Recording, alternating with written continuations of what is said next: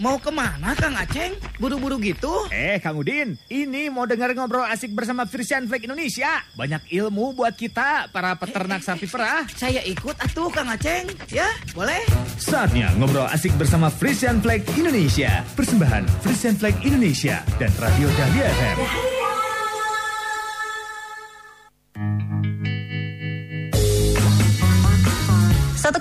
101,5 Dahlia FM Bandung gue yang singgah sih Assalamualaikum Margi Dahlia Assalamualaikum. Kawan peternak semuanya. Apa kabarnya di malam hari ini di hari Jumat ya Di tanggal 3 Desember 2021 Yang pastinya hadir lagi nih Baby Alia Yang pasti siap nemenin Wargi Dahlia Dan juga kawan peternak khususnya nih Ya ada di Pangalengan, Lembang, Jawa Timur, Jawa Tengah juga Yang lagi pada pantengin via streaming juga Ataupun yang lagi pada pantengin via Facebooknya Live Facebook di 1015 Dahlia FM Dan juga Instagramnya kita lagi live. Jadi untuk kawan peternak gak usah khawatir yang di rumahnya nggak ada radio ya bisa pantengin aja via Facebook. Oke okay, ya.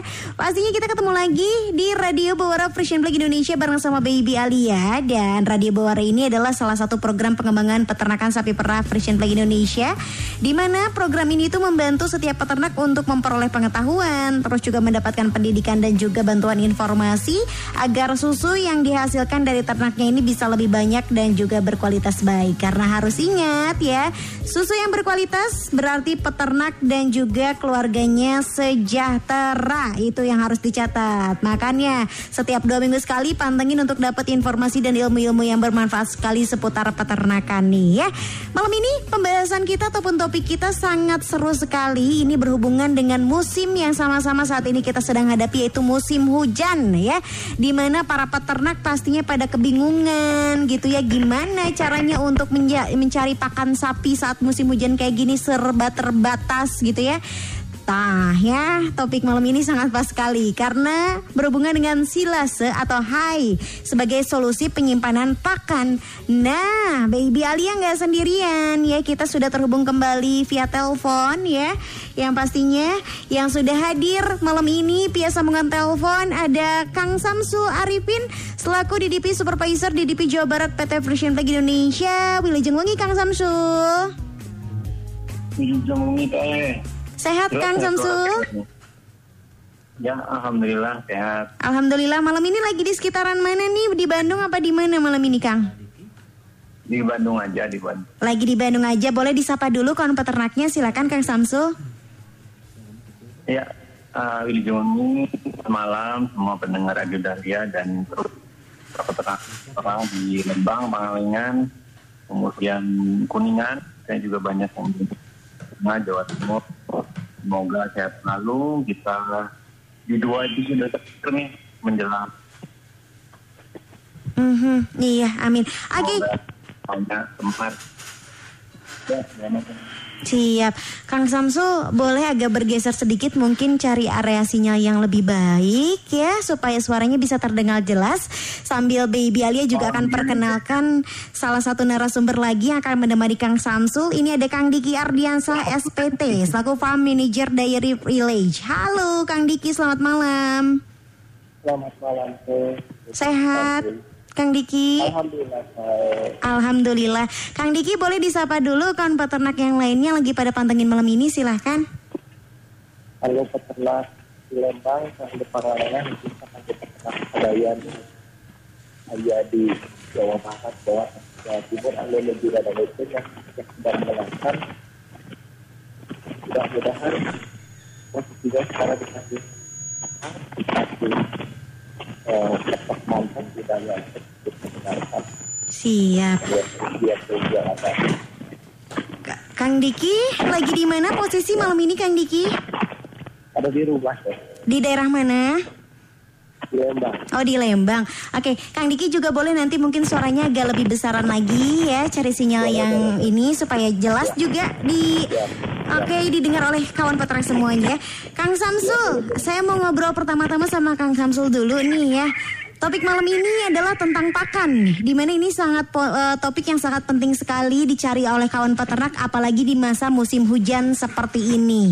Nah, boleh dikasih tahu nggak sama peternak, kenapa sih kita penting sekali untuk mengangkat tema silase adalah solusi sebagai pakan, terutama di musim hujan seperti ini, Kang? Silakan, Kang Samsu. Ya, suara saya sudah terdengar. Sudah, sudah, sudah, sudah.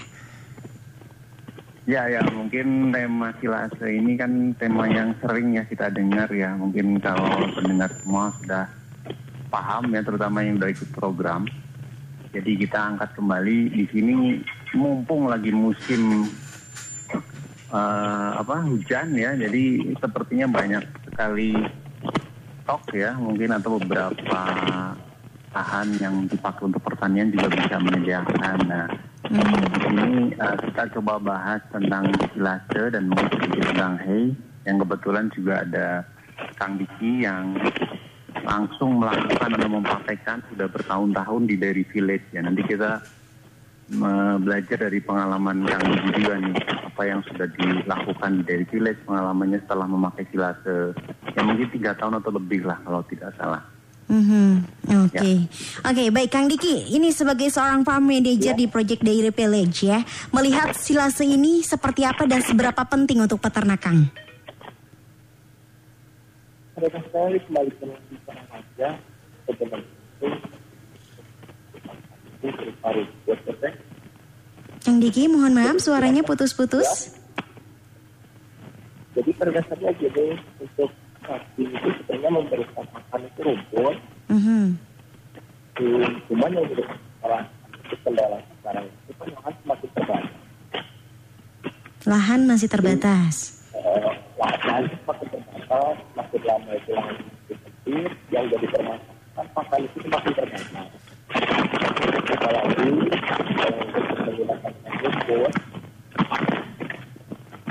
menggunakan kadang kalau pas itu kan kadang nggak ada kayak peternak kita dari itu jauh ke mana itu yang kita ada Oke, Kang Diki.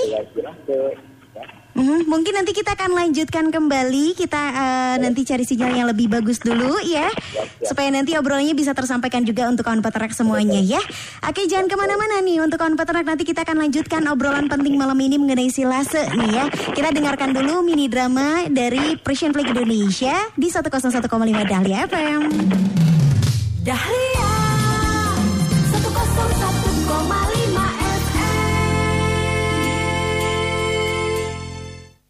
Assalamualaikum Kang Arman. Waalaikumsalam Kang Rijal. Aduh, sore-sore begini lagi sibuk ngapain, Kang? Itu drum besar banyak begitu. Buat apaan itu teh, Kang? Sibuk mah enggak.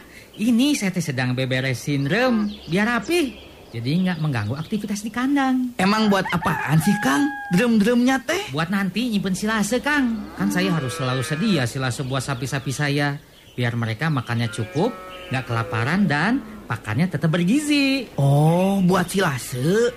Emang segitu pentingnya ya, Kang, nyiapin silase? Kalau saya mah lebih suka ngasih rumput-rumput yang seger. Soalnya sapi kan sukanya hijauan yang seger, Kang. Iya sih, tapi kan kita atau saya lah ya tidak selalu bisa cari rumput segar.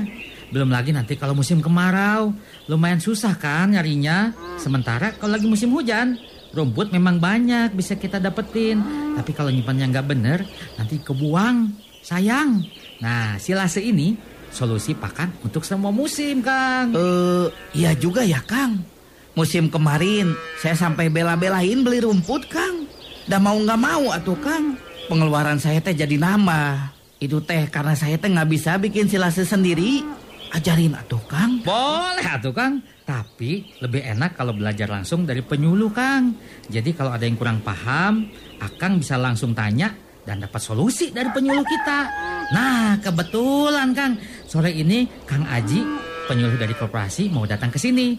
Mau lihat saya bikin selase, apa udah bener atau belum caranya? Tungguin ya Kang ya. Siap, Kang. Assalamualaikum Kang Arman. Waalaikumsalam. Eh, Kang Rijal, lagi main nih. Kumaha daramang gitu Alhamdulillah Kang, saya. Iya nih, Kang Rizal emang lagi main ke kandang saya. Tapi sekalian nungguin Kang Aji juga. Iya, Kang. Maksud awalnya mah karena kepo. Ini teh Kang Arman teh sibuk bisa nyusun drum-drum besar di belakang kandang. Buat apaan? Eh, ternyata teh buat bikin silase katanya. Nah, saya teh pengen belajar bikin silase sendiri juga. Kayak Kang Arman, Kang. Terus kata Kang Arman teh, Kang Aji mau datang ke sini, mau cek pembuatan silase Kang Arman. Betul atuh Kang. Saya teh mau memang mau cek. apakah Kang Arman sudah benar cara membuat silasenya? Karena Kang Amran baru selesai belajar bikin silase minggu lalu sama saya, Kang. Mau belajar juga? Hayu saya bantuin lah. Tapi susah nggak sih Kang cara buat silase? Nanti malah jadi ngerepotin. Atau nambah kerjaan sehari-hari. Nggak susah, Kang. Yang penting mahnya ternak kita bisa punya persediaan pakan yang aman di semua musim. Ya kan? Yuk atuh, saya ajarin deh. Nah, bener kan? Kalau berada langsung sama Kang Aji, lebih enak. Karena beliau salah satu ahlinya. Ah, bisa aja Kang Amran. Sama-sama belajar lah kita mah. Yang penting harus dilakukan saat membuat silase adalah perhatikan kadar air dari bahan yang kita pakai. Kemudian semua bahan tersebut harus dicacah Kang pakai golok atau pisau juga boleh. Atau pakai chopper dengan ukuran yang pas. Yang paling penting mah jangan sampai ada udara yang masuk saat semua bahan yang sudah dipotong itu dimasukkan ke dalam drum-drum ini Kang. Jadi harus benar-benar padat. Jangan ada udara sama sekali. Nah, sebenarnya masih ada beberapa hal yang penting lainnya Kang yang harus diperhatikan saat membuat silase. Tapi semua bisa ditanyakan atau didiskusikan sambil praktek langsung deh Kang. Jadi pasti akan lebih ingat karena sudah praktek langsung. Intinya sih ya, membuat silase itu tidak serumit yang diperkirakan. Asal tahu triknya aja, Kang. Oh, jadi kalau kita tahu triknya, bikin silase tuh nggak susah. Begitu, Kang? Betul, Kang. Yang penting mah Akang berdua tahu mana langkah atau bahan pembuatan silase yang penting dan kalau ada kendala, segera tanyakan ke penyuluh untuk mencari solusinya, Kang. Siap, Kang. Kalau gitu saya sekarang siap buat belajar. Kang Aji, Kang Amran, punten, nanti bantuin ya. Siap, Kang. Insya Allah. Kita sama-sama belajar ya Kang ya. 101,5 Radio Dahlia FM. Radio nomor 1. 1. Di Bandung.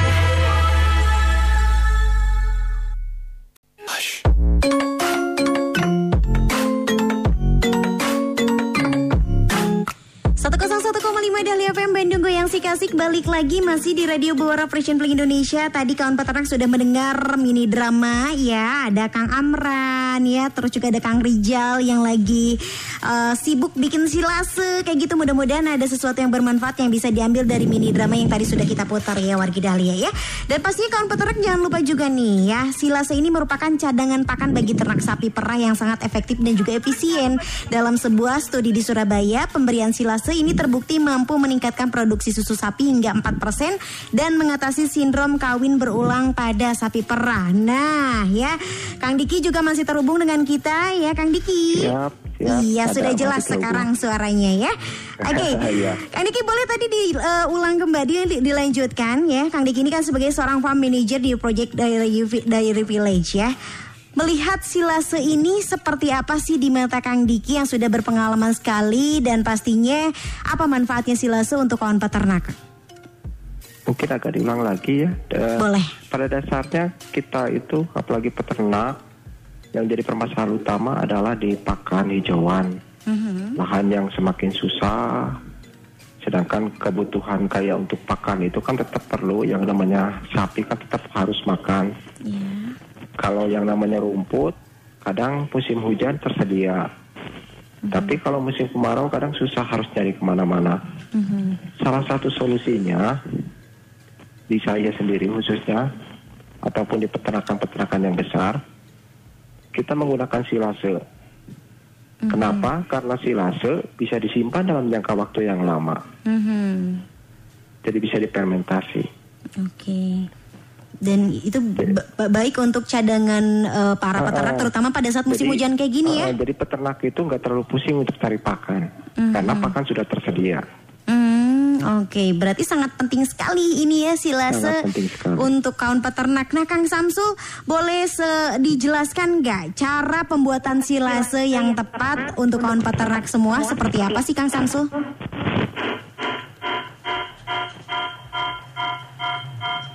Hmm? Halo, Kang Samsul. Iya, Kang Samsul. Sudah terhubung dengan kita? Oke, Kang Samsul sudah terhubung sebetulnya dengan kita ya, tapi suaranya tidak keluar. Oke, luar biasa ini ya. Pastinya malam ini sangat penting sekali untuk dibahas untuk kawan peternak. Ini juga pertanyaan sudah banyak sekali yang masuk ya. Dan Kang Diki, boleh di sebelum nanti kita terhubung kembali dengan Kang Samsul. Kalau eh, sepengetahuan Kang Diki untuk membuat silase yang mudah dan pastinya silase yang baik untuk kawan peternak itu seperti apa sih Kang? Silase itu eh, kita bisa buat dengan dua cara. Mhm, Yang pertama dengan sistem terbuka dan sistem tertutup. mhm. Tapi istilahnya terbuka di sini itu dalam bunker, bentuknya bunker. Ya. Kalau tertutup kita bisa bentuk dalam plastik ataupun dalam bentuk tong. Inti daripada pembuatan silase itu satu padat, yang kedua tidak ada udara dari luar. Hmm, oke. Mhm. Kalau untuk penggunaan silase sendiri dari Dairy Village itu seperti apa, Kang? Apa ada dampak positifnya? Boleh diceritakan seperti apa kepada kawan peternak semuanya? Kalau untuk di kami, Mhm, eh, posisi kami sekarang itu ada sapi itu ada kurang lebih ada 100 lebih ya. mhm. Hmm, tapi alhamdulillah sampai sekarang kita tidak pernah kekurangan pakan hijauan. Oke. Walaupun sapinya 100, eh, tapi dengan kondisi sekarang yang serba terbatas, kita masih bisa mencukupi kebutuhan pakan sapi tersebut. Wow. Salah satu solusinya dengan silase tadi. Kalau Oke. saya rumput gak kebayang harus cari ke mana ya untuk 100 Iya. ekor sapi setiap hari. Betul Satu betul. truk satu hari harus cari ke mana gitu kan. Mhm, benar benar benar. Jadi agak susah juga. Mhm, Oke, berarti bisa dibilang di Dairy Village ini tidak mengenal musim hujan ataupun musim kemarau, silase selalu tersedia atau seperti apa, Kang? Salah satunya seperti itu. Kita itu sebenarnya mengadopsi cara-cara kayak di Belanda atau di negara lain, di mana musim ada musim salju atau musim ya ibaratnya hujan terus menerus atau musim semi, musim gugur. Tapi di mereka itu tidak pernah kekurangan pakan karena pakan selalu tersedia. Mereka buat stok, mereka simpan, mereka fermentasi, pas waktu dibutuhkan tinggal diberikan. Hmm, oke, baik, baik. Oke, ini kita sudah terhubung juga dengan Kang Samsul. Halo, Kang Samsul. Halo. Iya, sudah terhubung kembali. Kang, eh, tadi sekilas Kang Diki juga sudah menceritakan bagaimana penggunaan silase di Dairy Village ya. Tapi boleh diceritakan nggak versinya Kang Samsul nih untuk kawan peternak semua, cara pembuatan silase yang tepat dan yang baik untuk kawan peternak ini seperti apa, Kang? Oh ya, mungkin saya ulangi dulu tentang pentingnya silase lah ya. Jadi Boleh. mungkin sudah sedikit dijelaskan Kang Diki. Jadi ini kan eh, tujuan utama adalah penyediaan pakan hijauan yang buat sapi. Jadi kalau eh, musim kemarau biasanya kurang, musim dan sekarang ini agak banyak gitu ya. Terus cenderung bisa lebih banyak jika kita kerjasama dengan pihak lain. Nah kalau solusinya di musim kemarau biasanya pakai jerami, sedangkan jerami itu sebenarnya nutrisinya itu rendah, juga rentan jamur dan sebagainya. Jadi solusi silase ini memang yang paling tepat lah gitu ya. Kita buat di musim ini, musim hujan, di mana sedang lagi banyaknya eh, hijauan yang bisa dibuat silase. Iya. Nah silase ini kan eh, apa pengawetan ya pengawetan hijauan secara fermentasi anaerob ya anaerob di sini berarti tidak ada udara. Nah nanti fermentasi berarti dia edibilium gitu ya. Jadi Iya. dia dengan bantuan bakteri gitu ya yang kerja di situ. Nah untuk pembuatannya tentunya yang pertama siapin rumputnya atau tanaman jagung ya kalau yang eh, pakai silase jagung.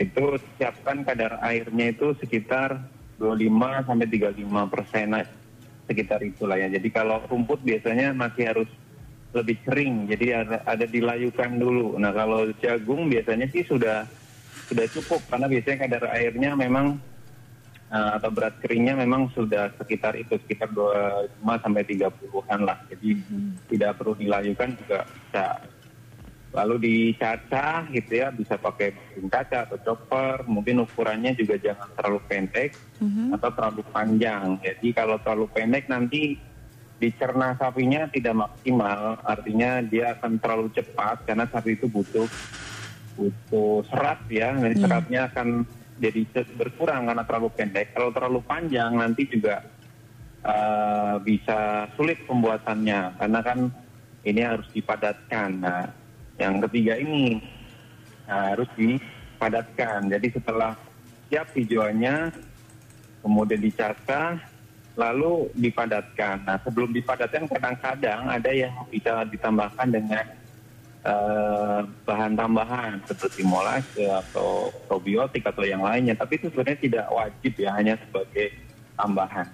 Mhm. Nah kalau kalau sudah di eh, udah ada tempatnya, misalkan tong atau plastik atau bunker, kalau di dari village di Kang begitu biasanya di bunker ya, sebagian ada yang Eh, cuman nanti yang di plastik ini hati-hati rentan sama tikus kadang ya atau kebocoran, jadi ada udara yang bisa keluar. Jadi lebih aman pakai tong lah ya Oke. mungkin atau bunker sekalian kalau memang skala besar. Mhm. Nah, kemudian setelah proses di wadah ini itu harus di-press benar-benar supaya hilang tuh udara di dalamnya dan padat sepadat-padatnya. Bisa dengan alat, bisa dengan injakan. Kalau pakai tong mungkin masih possible ya pakai injakan. Nah, sampai sudah benar-benar padat, lalu ditutup atau kalau plastik diikat, nah itu disimpan sampai sekitar tiga minggu. Nanti setelah tiga mingguan itu sudah terja- sudah jadilah yang disebut silase. Baunya akan berbau, berbau khas ya, harum kayak peyem seperti itu. Kemudian juga warnanya kecoklatan gitu. Masih basah, tidak kering, eh, tapi juga tidak hijau. Tapi secara nutrisi itu tidak terlalu jauh dengan hijauan. Oh, Beda oke. dengan ketika dia, dia jadi kering. Jadi nutrisinya akan cukup terjaga lah gitu ketika dibuat silase. Gitu. Oh, Mungkin oke. gitu. Oke, baik. Kalau dari kalangan peternaknya sendiri nih, Kang Samsul, gimana penggunaan silase ini? Apakah sudah banyak peternak yang menggunakan silase, Kang? Ya kalau di level peternak sebenarnya saat ini sudah cukup banyak ya apalagi dengan banyaknya program baik dari Christian Flag maupun dari tempat lain mungkin ya. Itu pengenalan silase sudah sangat masif ya karena memang manfaatnya besar dan sudah banyak yang membuktikan. Jadi saya pikir kayak di Lembang KPSBU juga sudah menyediakan lewat dari village kemudian KPBS juga dari koperasi Kemudian di area Jawa Barat lain seperti Kaluyu Kuningan itu juga sudah. Di sana sih sudah banyak yang memakai bahkan secara stok mungkin dibatasi ya karena uh, artinya peminatnya tidak semuanya dipenuhi ya karena memang uh, koperasi tidak bisa menyediakan sepenuhnya ya karena kan butuh sangat banyak. Jadi sebenarnya perlu adanya inisiatif sendiri juga dari para peternak untuk membuat untuk skala kecil yang dipakai untuk sendiri. Jadi tidak harus dengan cara membeli. Toh juga ketika buat sendiri, mungkin harga juga bisa lebih ditekan lah atau lebih murah. Gitu. Iya. Mhm. Ya mungkin sekitar 5 sampai 10 persen lah mungkin ada eh, di Oke. Lembang atau Pengalengan yang sudah memakai gitu. Hmm, oke lumayan sudah cukup banyak ya peternak yang memakai silase. Nah, Kang Diki berbicara tentang program yang tadi Kang Samsul sudah sedikit menjelaskan dari pihak korporasi sendiri pun sudah menyelenggarakan program mengenai silase ini. Apakah ada program tersendiri ini mengenai silase Kang dari pihak koperasi? Untuk sekarang kita mencoba lebih intens lagi karena tahun kemarin kita eh, baru mencoba aja sejauh mana eh, peternak mau untuk mencoba. Hmm. Untuk sekarang itu kita sudah eh, mulai kayak menjalin kerjasama dengan perusahaan-perusahaan, terus dengan mitra-mitra petani. Yang notabene mereka mau untuk menanam jagung. Nanti istilahnya eh, sebagai bentuk timbal baliknya mereka bisa jual ke kita. Terus kita buat silase terus kemudian bisa digunakan oleh peternak Hmm, oke baik ya sudah mulai dijalin kerjasama kerjasama dengan eh, perusahaan-perusahaan ataupun dengan eh, yang jual jagung ya. petani-petani ya seperti itu. Oke baik nanti kita bacakan ini banyak sekali peternak yang bertanya mengenai silase ya karena mungkin ini menjadi hal penting juga untuk kawan peternak semua di masa musim hujan seperti ini apalagi ya. Nanti Baby Ali akan bacakan pertanyaan dan nanti akan dijawab langsung sama Kang Diki dan juga Kang Samsul. Jangan ke mana-mana masih di Radio Bawara Version Flag Indonesia bersama Baby Alia. 101,5 Dahlia FM Bandung Goyang si kasih masih di Radio Bawara Frisian Flag Indonesia dan kita masih membahas seputar silase ya sebagai solusi penyimpanan pakan. Sebelum kita lanjut lagi ya, Baby Alia mau angkatin telepon dulu untuk kuis. Boleh silahkan wargi Dahlia yang mau ikutan kuis di 73002 eh sorry di 7311710 atau 73028. Oke, di 73028 wargi Dahlia yang mau ikutan kuis boleh banget ya. Persembahan dari Frisian Flag apalagi ini di, di bulan Desember ini adalah eh, episode-episode terakhir ya. Ada siapa coba ini? Halo, Radio Bora Frisian Flag. Halo, Halo, asik atuh. asik atuh prung ah go go go goyang. Sama siapa ini? Buar pembojong kacau. Bu Arfan di Bojong Kacor. Pertanyaannya gampang banget ya. Yang gampang atuh. Iya, coba sebutkan salah satu aja pembuatan silase yang tadi udah dijelasin sama Kang Samsul. Satu aja, Itu aja. satu aja. Misalkan nih, ya jagung, jagungnya diapain? A. Dicacak B. Dibuang C. Dikulub Digi dicacak atuh. Atau digiling. Dicoper, digiling Gimana Kang Samsul kasih. Kasih hadiahnya nggak Kang Samsul ini? Ya boleh lah semuanya. Boleh lah mangga kata Iya, Kang Samsul cenah. Kang Samsul Arifin dan Samsul Alia. Kang Samsul Arifin siap lah nama lengkapnya loh Makasih ya Bu Arpan ya Iya, sama-sama. Panteng Ya, radio. Alhamdulillah. Panteng radio Bisa. Kenapa? Panteng radio Panteng Dahlia, enak-enak lagamnya Dahlia, prung ah go go go. Koya. Siap, itu dia tadi dari dari wargi Dahlia yang mendapatkan hadiah ya. Nanti dari peternak juga kita akan pilihkan satu orang untuk mendapatkan hadiah ya. Kang Samsul ini juga sudah ada banyak yang bertanya nih ya via WhatsAppnya Radio Dahlia. Eh, kita bacakan satu persatu. Ini ada Teh Desi dari TPK Cibodas KPSBU Lembang katanya. Setiap pembahasan silase saya selalu tertarik. Hanya saja masih terbatas untuk lahannya. Apa ada cara lain untuk mengembangkannya dan untuk bahan sendiri apa mesti dari jagung saja atau bisa dengan bahan yang lain? Dan di musim hujan sekarang ini gimana cara menyimpan pakan yang benar gitu? Aku eh, karena sangat mudah sekali terkena jamur juga. Boleh dari Kang Samsul terlebih dahulu mungkin yang akan menjawabnya silakan. Ya. Kalau pembuatan silase bisa dari jagung, bisa rumput, bahkan jerami pun bisa ya. Karena jerami sendiri juga kalau dibikin silase bisa meningkatkan terutama kesukaan sapinya. Jadi sapi kan bisa makan lebih banyak sehingga nggak ada rapen lah habis gitu. Jadi nggak banyak limbah nantinya. Nah kalau secara berat kering harus diatur. Kalau jagung itu sudah cukup, tidak perlu lain. Kalau rumput harus dikeringkan. Kalau untuk jerami berarti harus ditambah air lah atau basahan biar kadar airnya agak agak lebih banyak.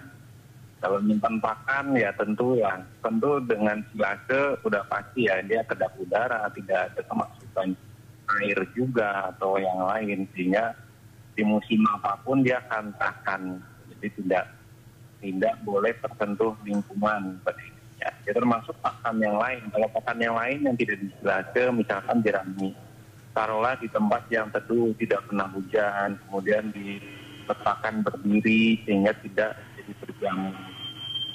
Macam itu teh. Oke baik ya. Ya. Siap, Kang Diki boleh nih ditambahkan tadi ada kawan peternak yang bertanya kan sekarang lahannya masih terbatas nih, gimana cara mensiasi- mensiasatinya katanya untuk pembuatan silase ini, Kang?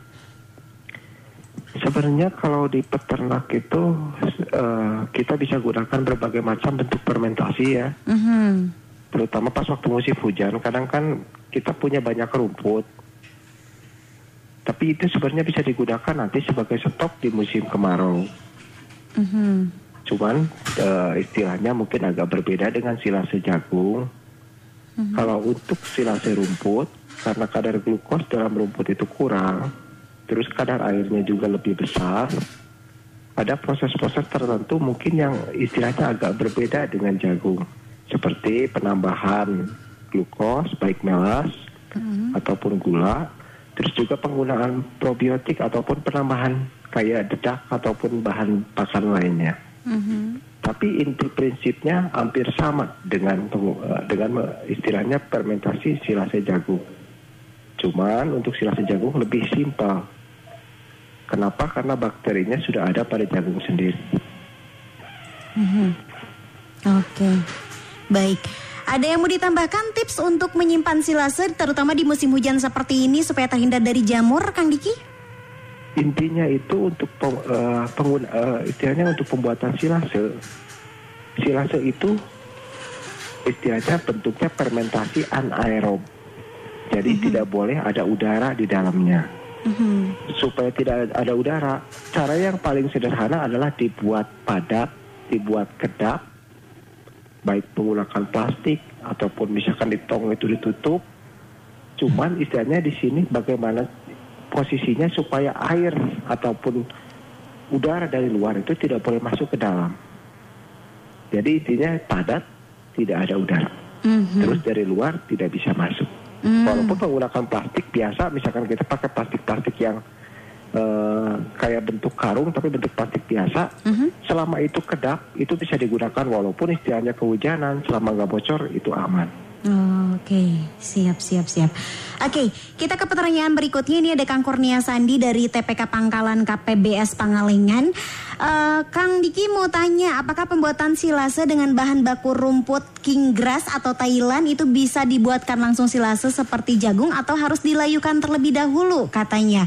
Dan kalau harus dilayukan berapa persen kadar airnya? Boleh mangga Kang Diki? Ya, boleh.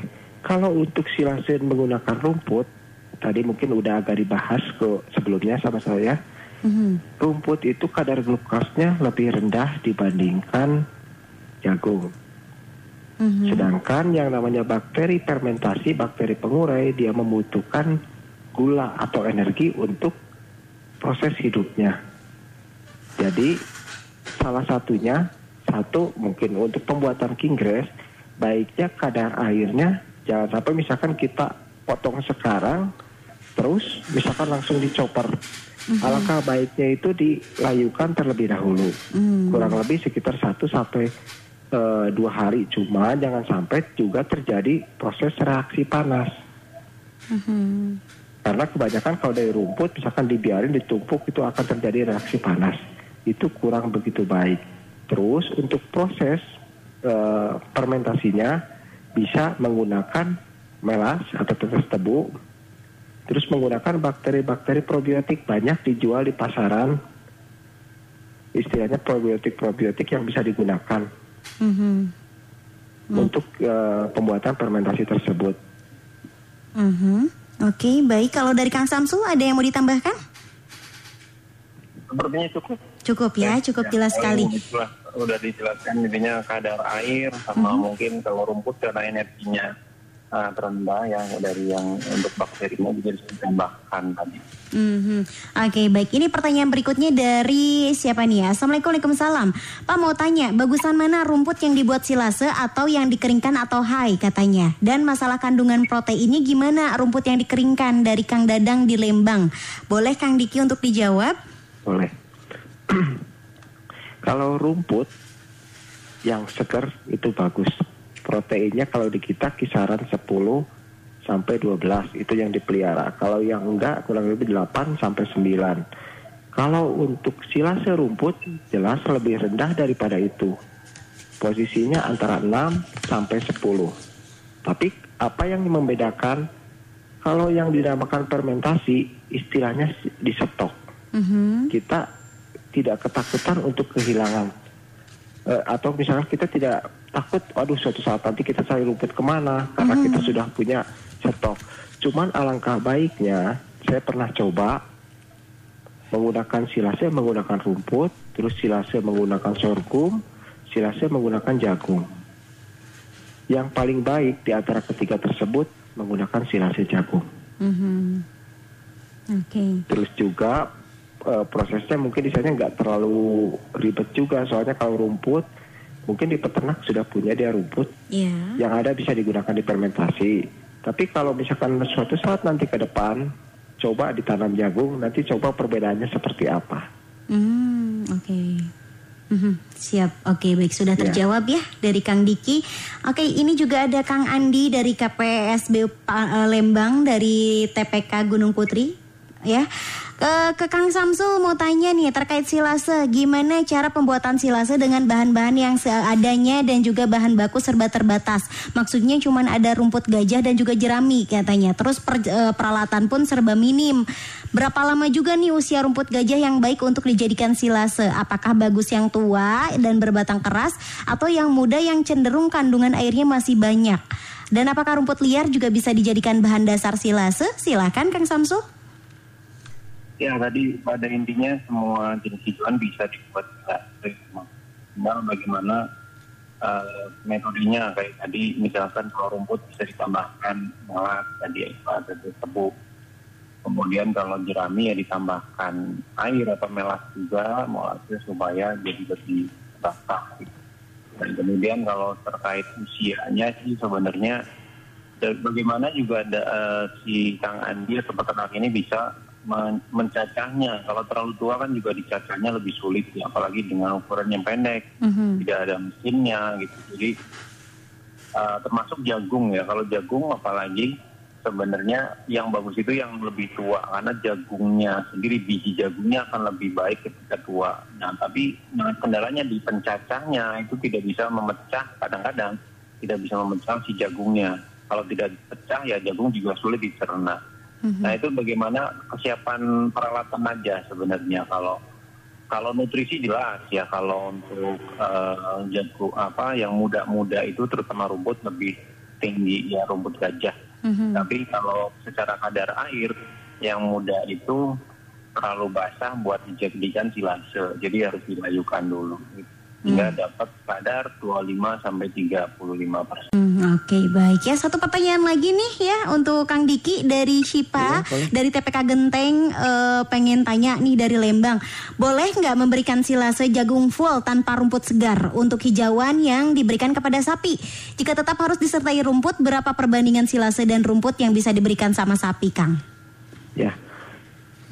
Mungkin contoh di saya sendiri ya. Mhm. Di saya di Dairy Village kita tidak menggunakan rumput. Oh sama Semua sekali. menggunakan silase. Sebagai bentuk perbandingan yang sederhana yang mungkin bisa digunakan oleh peternak, Mhm. kalau menggunakan silase sebanyak kurang lebih 30 kg Ya. sama dengan memberikan rumput sebanyak 50 kg. Oh, Oke. Jadi kalau misalkan kita ada silase kombinasi istilahnya dengan rumput, karena kadar air dalam rumput lebih besar daripada di silase, yang jadi patokan kan yang dimakan sama sapi itu bukan banyaknya, tapi bahan kering yang masuk di dalamnya. Mhm. Contoh kita misalkan di peternak kita pakai silase 10 sampai 20 kg misalkan. Posisi rumput itu kurang lebih hampir sama untuk sebagai tambahan 20 kg. Itu hampir porsinya sama dengan bahan kering yang masuk dengan kita ngasih kurang lebih silase sebanyak 25 sampai 30 kg. Mhm. Oke. Jadi sebenarnya seperti di saya, kami sudah tidak menggunakan rumput. Mhm. Sudah full Gitu. silase ya? Kalau silase nggak apa-apa. Oh nggak apa-apa, tidak mengurangi kandungan nutrisi juga ya yang diberikan kepada Tidak. sapi ya? Bahkan istilahnya lebih sederhana, lebih simpel karena kita tidak berpikir harus ke mana cari rumput. Iya. Menghemat tenaga peternak juga ya. Ya, Apalagi kalau misalkan peternaknya cuma sedikit, Mhm. kita punya sapi banyak, bingung cari rumputnya teh ke mana. Iya, baik ya. Oke, luar biasa karena pembahasan kita terbatas oleh waktu. Ini Kang Samsul boleh terakhir kesimpulan yang mau disampaikan terkait tema kita malam ini. Silakan dari Kang Samsul terlebih dahulu. Ya, jadi eh, silase maupun hai adalah sebenarnya metode untuk pengawetan pakannya. Jadi dia tidak menambah nutrisi pakan, tapi hanya sebagai untuk mengawetkan. Nah, ini juga sama, cuman secara metode hai itu lebih sulit ya, karena dia kan harus benar-benar kering. Sedang- Sedangkan pengeringan di kita ada kendala kelembaban dan sebagainya. Tadi sempat ditanyakan Kang Dadang juga batu sama nasi silase sama air. Jadi lebih cocok sebenarnya silase untuk Indonesia. Lebih mudah dibuatnya, dan juga nanti secara nutrisi lebih baik sebenarnya daripada di buatan. Nah kalau di kesukaan sapi pun lebih baik. Jadi mangga para peternak eh, mulai berpikir bagaimana menyetok ketersediaan pakan terutama musim kemarau yang tidak ada eh, rumput atau sedikit rumput dengan pakan, yang tetap berkualitas Mhm. bukan dengan jerami ya. Kalau jerami sebenarnya hanya alternatif terakhir lah kalau sudah tidak ada sama sekali. Nah, uh, buatlah silase ya yang, yang mungkin stoknya ada pada saat musim hujan kayak sekarang ini. Jadi uh, tapi tetap bisa sehat produksi tetap bisa banyak keuntungan tentu juga akan lebih meningkat lah gitu. Iya, luar biasa. Peternaknya juga sejahtera pastinya ya, luar biasa. Oke, kalau dari Kang Diki terakhir kesimpulan yang mau disampaikan terkait tema kita malam ini, silakan Kang. Ya, permasalahan utama di peternak di kita sekarang ini dan ke depan adalah satu, adalah pakan.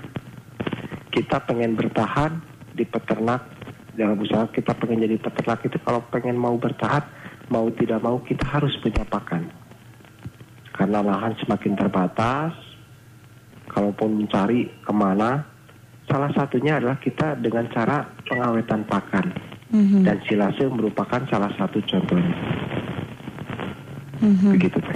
Oke, pastinya jangan lupa untuk terus belajar, mencari ilmunya, mencari informasinya ya. Dan pastinya terima kasih banyak untuk ilmu yang sangat bermanfaat sekali malam ini Kang Diki dan juga Kang Samsul ya. Mudah-mudahan sampai dengan baik ke telinganya kawan peternak semuanya dan sehat selalu untuk Kang Diki Kang Samsul ya.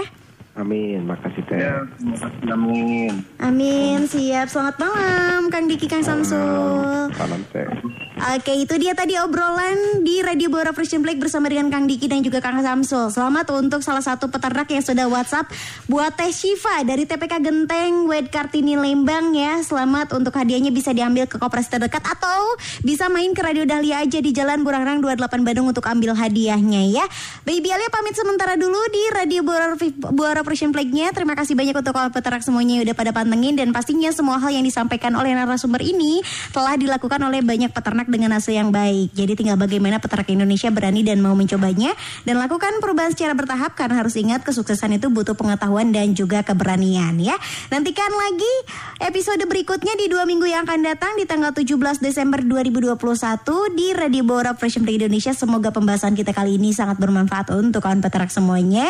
Jangan lupa jaga kesehatan, jaga protokol kesehatannya juga. Pantang radio, pantang Dahlia, enak-enak langgamnya Dahlia, prung ah, go-go-go, goyang. Kang Udin, Kang Udin. Mo. Kang Udin mah, hayu atuh Kang pulang. Ngobrol asik bersama Frisian Flag Indonesia-nya udahan. Terus gimana tuh saya? Tenang, ngobrol asik barengan Frisian Flag Indonesia bakalan balik lagi tiap hari Jumat dua minggu sekali. Persembahan Frisian Flag Indonesia dan Radio Dahlia FM. Dahlia